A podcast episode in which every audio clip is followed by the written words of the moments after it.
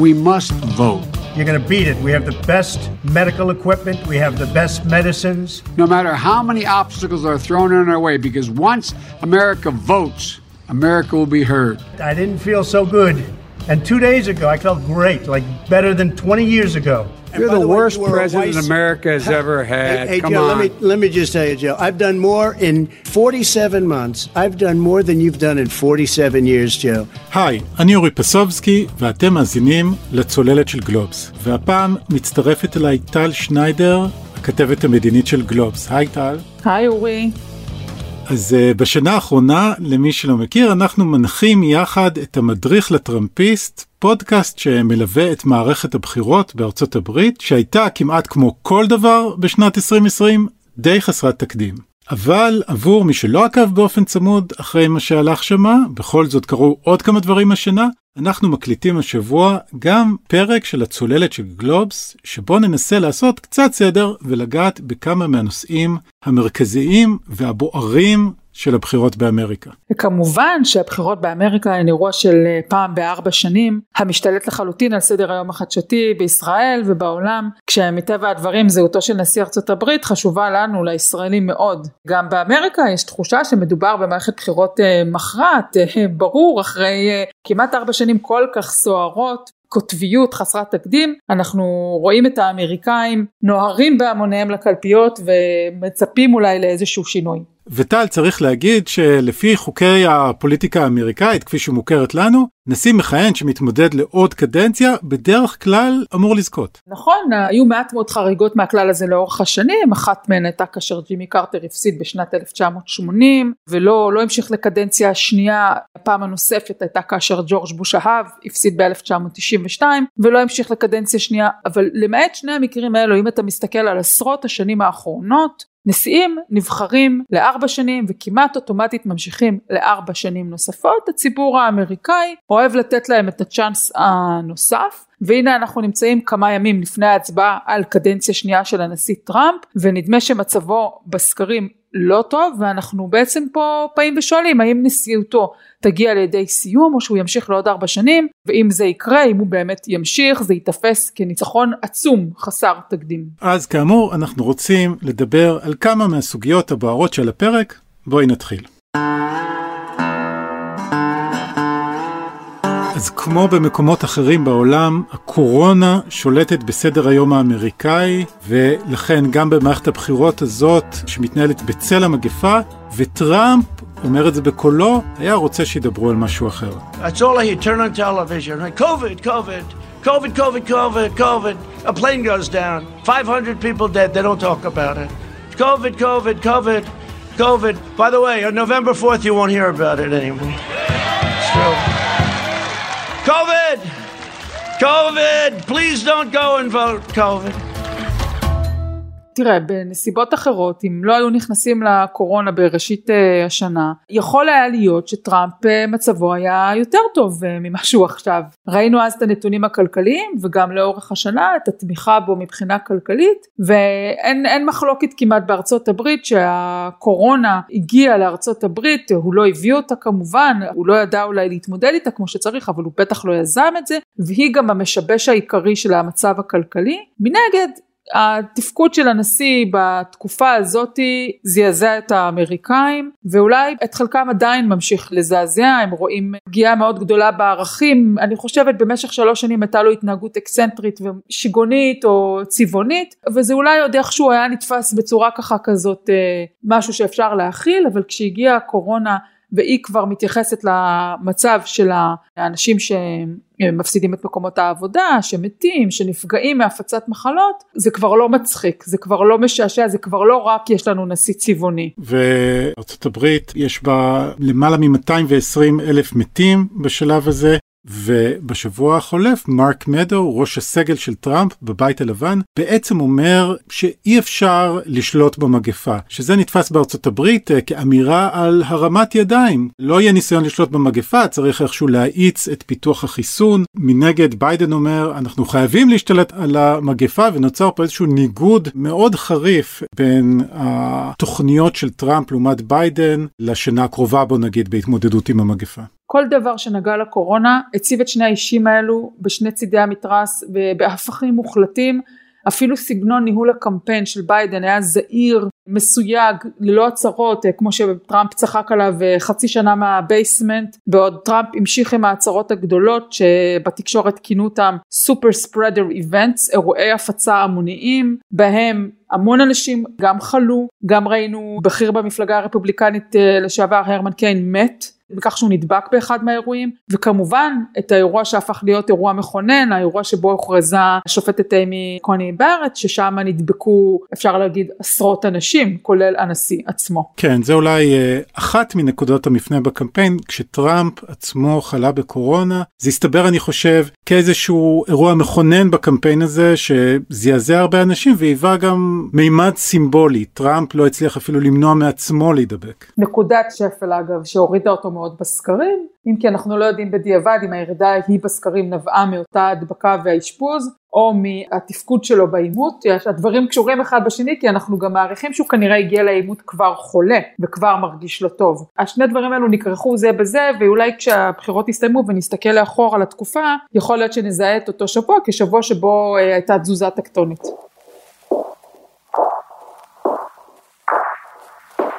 It would be very, very proper and very nice if a winner were declared on November 3rd instead of counting ballots for two weeks, which is totally inappropriate, and I don't believe that that's by our laws. I don't believe that. אוקיי, okay, אז דיברנו על המגפה. אחד הדברים שקרה בגלל הקורונה הוא שאנשים מטבע הדברים קצת מפחדים להגיע לקלפי וללכת להצביע. בחלק ממדינות ארה"ב אפשר להצביע באמצעות מעטפה בדואר, אלא שההצבעה באמצעות מעטפה הפכה גם היא לזירת קרבות בין המפלגה הרפובליקנית לדמוקרטית שאולי אפילו תכריע את הבחירות. הסיבה שזה הפך לזירת קרבות היא גם נובעת מסגנון הצבעה היסטורי כשהדמוקרטים מאוד מחבבים או להשתמש במעטפות דואר או ללכת להצביע מוקדם כסגנון אה, מה שנקרא ההשתתפות הפוליטית שלהם עוד לפני שטראמפ בכלל הגיח למפה הפוליטית. והסגנון הרפובליקני הוא ללכת להצביע ביום האחרון של הבחירות ובעצם מה שקרה זה שטראמפ זינק על הפערים האלו בין הצדדים ובעצם מיד כבר באפריל התחיל לטעון שההצבעה באמצעות מעטפות היא משולה להונאה או היא מובילה להונאה וזה דרך בעצם לרמות את מערכת הבחירות. צריך לזכור שהוא עצמו השתמש כבר בהצבעה במעטפות אז הוא לא חשב שזה בעייתי ויש גם מחקרים אמריקאים שבודקים את הנושא הזה של שימוש במעטפות ואין אינדיקציה שמדובר פה במערכת של הונאה. יחד עם זאת הטיעון הזה השתרש בקרב כל הרפובליקנים מהנשיא ומטה אפילו אה, ראינו שופט עליון שרומז לכך וכתוצאה מכך נכנסנו לסחרור שבו למעשה ביום הבחירות היום האחרון של הבחירות נפתח פתח לטענה שרק מי שפיזית נכח בקלפיות צריך אולי לספור את קולו ולא צריך לחכות למעטפות של האנשים שכבר הצביעו ושלחו, מעין טענה שהיא מוזרה וגם משבשת מאוד את החקיקה ואת הכללים האמריקאים, בעצם טענה שפוגעת או חותרת תחת יסודות המשטר כאשר החשש הגדול והחשש הכבד הוא שמי מהצדדים יכריז על עצמו כמנצח בעוד שבימים שלאחר הבחירות יגיעו עדיין עוד מעטפות ובהן פתקי הצבעה ופתקי ההצבעה האלו יסיטו את התוצאה, ישנו את התוצאה בצורה ממש יכולה להפוך אותה.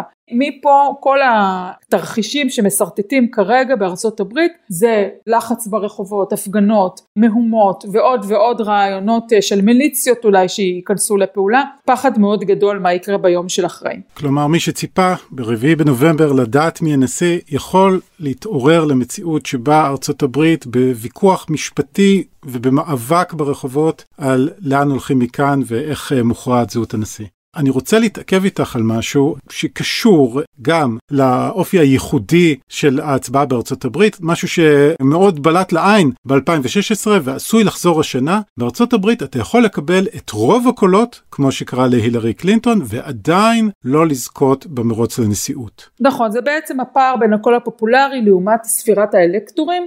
השיטה של הבחירות מחייבת עריכת קמפיין בכל אחת מחמישים המדינות, בעצם זה חמישים מערכות בחירות נפרדות, כשכל מדינה סופרת את האלקטורים שלה ואם מדינה מסוימת נתנה אה, חמישים אחוז וקצת, היא מקבלת את כל, אה, אותו צד שניצח שם בחמישים אחוז וקצת מקבל את כל האלקטורים. ובגלל ההבדלים בגודל של המדינות, וכמובן מדינות שהן מעוטות אוכלוסין, יש להן מעט מאוד אלקטורים, אבל הן נוטות דווקא להיות במרכז ארצות הברית והולכות כמעט תמיד עם המפלגה השמרנית הרפובליקנית, אז המצב הוא שמדינות שהן רוויות אוכלוסייה, יש להן לכאורה יותר אלקטורים, אבל באופן יחסי עדיין יש פה ייצוג יתר למי שחי במדינה שהיא פחותת אוכלוסייה. וכך יוצא המצב שבאזורים האורבניים יכולה להיות הצבעה דמוקרטית מסיבית והדמוקרטים יצליחו לקבל יותר קולות, אנחנו ראינו ב-2016 הם קיבלו שלושה מיליון קולות יותר והפער אף יכול להיות אפילו ארבעה ויש שם מדברים על חמישה מיליון, יכול להיות תרחיש שבו חמישה מיליון אמריקאים יותר יצביעו לביידן אבל עדיין טראמפ יצליח לקבל את האלקטורים ולהיות הנשיא וצריך לחדד את הדבר ולהגיד הקול הפופולרי לא מכניס אדם לבית הלבן הכלל והחוק הוא שהאלקטורים מכניסים. ותשמע אורי הדבר הזה הוא באמת אחד הקשיים החברתיים הגדולים ביותר שאמריקה ניצבת בפניו כי השטח גם ככה כמו שאמרנו מתודלק וזועם ואם אנחנו ניכנס פה למצב שמיליוני אנשים יגידו סליחה אנחנו הרוב אבל אנחנו לא מצליחים לממש את הרוב שלנו אתה תראה עוד ועוד לצערנו הרב הפגנות שמתדרדרות גם להפגנות אלימות. כי גם אם לא יתממש התרחיש שבו בתי המשפט פוסלים מסיבה כזאת או אחרת מעטפות עם קולות לגיטימיים שהגיעו בדואר, וגם אם בבחירות יתנהלו כסדרן, השיטה היא כזאת שאולי המועמד הדמוקרטי יזכה במיליוני קולות יותר ועדיין לא יזכה. You think Sleepy Joe could have made this deal, baby? Sleepy Joe. I think. Uh, do you think he would have made this deal somehow? I don't think so. Well, Mr. President, one thing I can tell you, uh, we appreciate the help for peace from anyone in America, and we appreciate what you've done enormously. אז השבוע עם ההכרזה על ההסכם בין ישראל לסודאן, ראינו סרטון של הנשיא טראמפ יושב בחדר הסגלגל ליד השולחן שלו ובשיחת טלפון עם ראש הממשלה נתניהו מנסה לגרור אותו ממש לביצה הפוליטית בארצות הברית, מדבר על ביידן בכינוי שהוא מדביק לו סליפי ג'ו והפעם ראש הממשלה נתניהו ככה מתחמק באלגנטיות ולא נכנס לעסק הזה. זה מעלה את השאלה שמלווה אותנו כבר כמה שנים וביתר שאת עכשיו, האם טראמפ טוב לישראל, רע לישראל, והאם ניצחון של ביידן ישנה את המצב מבחינתנו? תראה, המערכת יחסים בין הנשיא טראמפ לראש הממשלה נתניהו רואים את הקרבה בין האישים. ואת התיאום האינטימי ואת היכולת של נתניהו באמת להיות אה, בכל האגפים של הבית הלבן אה, כוח אה, שמשפיע מעורב ואפקטיבי מאוד. אני זוכרת הרבה מערכות יחסים טובות בין נשיאים אמריקאים לישראלים. אפשר להזכיר את שרון ואת בוש אחר כך גם את בוש ואולמרט או את קלינטון ורבין. אבל רמה אינטימית שכזאת אולי זה באמת אפילו שובר את השיאים הקודמים. ויש כאן הישג אני חושבת אישי מאוד גדול של נתניהו. עכשיו ביידן מכיר את נתניהו ונתניהו מכיר את ביידן באופן אינטימי ואישי היטב. ביידן היה יושב ראש ועדת יחסי החוץ של הסנאט עשרות שנים וגם כסגן נשיא. למעשה ביידן יש לו נכס אחד עצום שהישראלים יודעים שיש לו את זה זה היכרות עמוקה ורחבה מאוד עם המזרח התיכון מעיראק דרך סוריה לבנון מצרים ומה שנקרא you name it. הוא, הוא מכיר את כולם הוא נמצא כל כך הרבה שנים בזירה והוא גם אדם שהעמיק כשביידן היה סגן הנשיא ואובמה היה הנשיא, זכורה לנו נסיעה, ביקור אחד של ביידן בישראל, שהוא בא לדבר על המהלכים עם הפלסטינים ודווקא במהלך אותו ביקור הייתה פה הכרזה על בנייה בשטחים והוא התרגז והיה פה איזשהו ליפסוס כזה שאני חושבת שהתגברו עליו אבל בעצם האופן שבו נתניהו החליט ללכת בקונגרס כמה שנים הלאה כשנתניהו החליט ללכת לקונגרס ולנאום נגד הנשיא אובמה בנושא איראן אז כבר נפתח יותר קרע בין המפלגה הדמוקרטית לבין נתניהו, אני לא רוצה להגיד אפילו הליכוד כי זה יותר אישי. אבל שים לב שאמרתי שהקרע הוא בין המפלגה הדמוקרטית. Mm. אני חושבת שביידן ונתניהו, מתוך ההיכרות הטובה והצרכים של שתי המדינות, ידעו להסתדר היטב אם ביידן באמת ייבחר, ואם טראמפ ייבחר אז אנחנו כבר ראינו ורואים את המשוואה ואת היכולת לתפקד ביחד, ופה לא, לא חושבת שתהיה איזושהי בעיה להמשיך.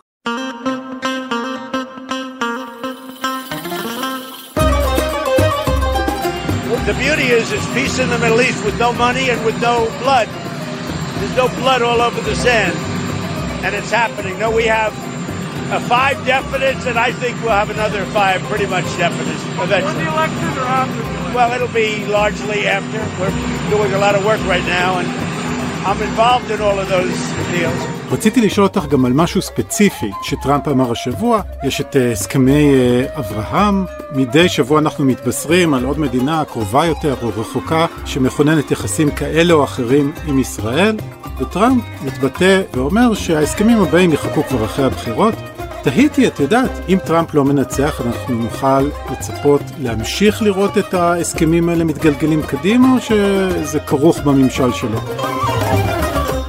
קודם כל כמובן הסכמי אברהם הם בהחלט הישג של ממשל טראמפ זה יירשם בספרי ההיסטוריה ואנחנו נוכל תמיד לייחס את זה לנשיא טראמפ ולנתניהו כמי שהובילו את התהליך הזה כן. אבל ממשלים אמריקאים לאו דווקא מבטלים את מה שעשו קודמיהם אם לביידן אה, יש יועץ מדיניות חוץ טוב, או אם אני לדוגמה היועצת שלו, אני הייתי אומרת לו, קח את זה ותגיד, אנחנו ממשל שעוסק בהמשכיות ולא עוסק בללכת אחורה ולקרוע מה שעשו קודמיי, בעצם אין פה מה להפסיד, הכל פה חיובי. אה, זה כמובן בניגוד ל...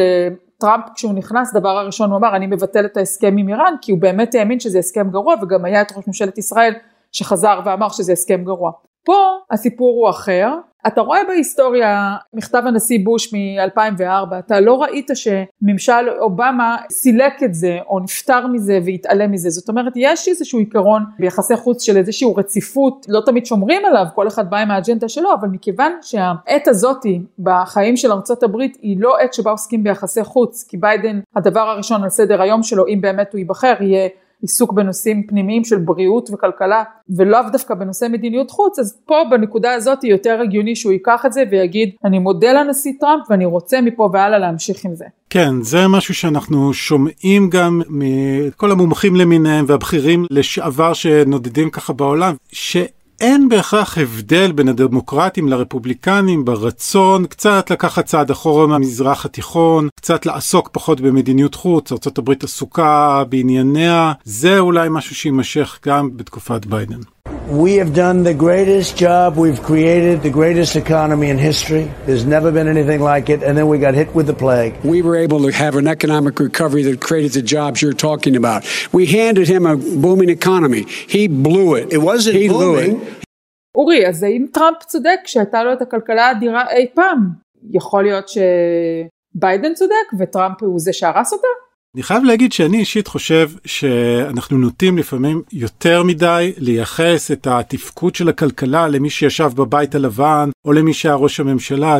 הכלכלה, בטח כלכלת ארצות הברית, זה דבר ענקי, ונשיא כזה או אחר, את יודעת, הוא מסוגל אולי להזיז אותה קצת, אבל לא בהכרח להשפיע עליה באופן דרמטי. וספציפית לגבי טראמפ, אני חושב, את יודעת, הוא נכנס לתפקיד שלו אחרי שמונה שנים של צמיחה בתקופת אובמה, החל מהמשבר הכלכלי של 2008 ועד 2016, ארצות הברית צמחה רצוף, וזה המשיך בתקופתו. כלומר, יש אה, אולי איזושהי טענה שאפשר להעלות, שפשוט טראמפ, העסק המשיך לתקתק לפחות עד שפרצה מגפת הקורונה, אבל, את יודעת, בכל זאת, בדרך כלל כל נשיא נכרך, שמו נכרך בכלכלה בתקופתו, ואכן בתקופת טראמפ, האבטלה בארצות הברית למשל ירדה לשפל של 50 שנה, ואי אפשר לקחת את זה ממנו. טראמפ יזוהה לפחות עד תחילת 2020 עם שגשוג כלכלי.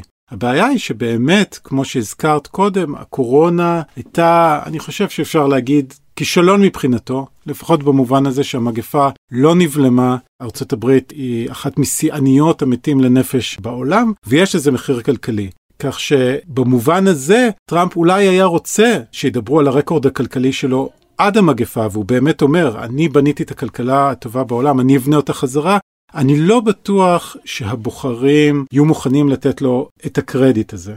אבל צריך להוסיף לזה עוד משהו, שאפילו אם מסתכלים על הכלכלה שלפני פרוץ מגפת הקורונה, אפשר לזהות אזורים שיש בהם סימני דאגה עבור טראמפ. כמו שבתקופת אובמה, לכאורה המצב היה ורוד, שמונה שנים של צמיחה, וזה נכון, אם מסתכלים על ארה"ב בכללותה. אבל גם בתקופת אובמה אפשר היה לזהות שבכל מיני אזורים שבהם יש תעשייה, במיוחד במערב התיכון, מכל מיני סיבות בשנת 2015 הייתה האטה.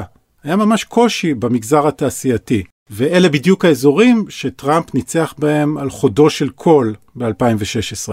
ודבר דומה קרה גם בשנה שעברה. China is paying. They're paying billions and billions of dollars. I just gave 28 billion dollars to our farmers. China paid true. 28 billion, and you know what they did to pay it, Joe? They devalued their currency, and they also paid up. אם את זוכרת, היום כבר מי, מי זוכר, אבל הייתה מלחמת סחר בין ארצות הברית לבין סין, טראמפ הטיל מכסים, היה עימות די רציני, שלמעשה לא נפתר עד הסוף. ואנחנו ראינו שוב האטה במגזר התעשייתי, בדיוק אה, המקומות שבהם מרוכז ה base של טראמפ. עכשיו, האם זה יתורגם לזה שהאנשים האלה פחות יבואו לקלפיות להצביע טראמפ? לכי תדעי, יש המון סיבות שאנשים הולכים בגללם להצביע, וטראמפ משקיע הרבה מאוד זמן ומרץ בבוחרים האלה, להבדיל למשל מקלינטון, אבל אי אפשר להגיד שהשנה ומשהו האחרונות היו טובות במיוחד מבחינה כלכלית לאנשים האלה, למגזר התעשייתי, ופה אולי יש איזשהו סימן אזהרה עבור טראמפ.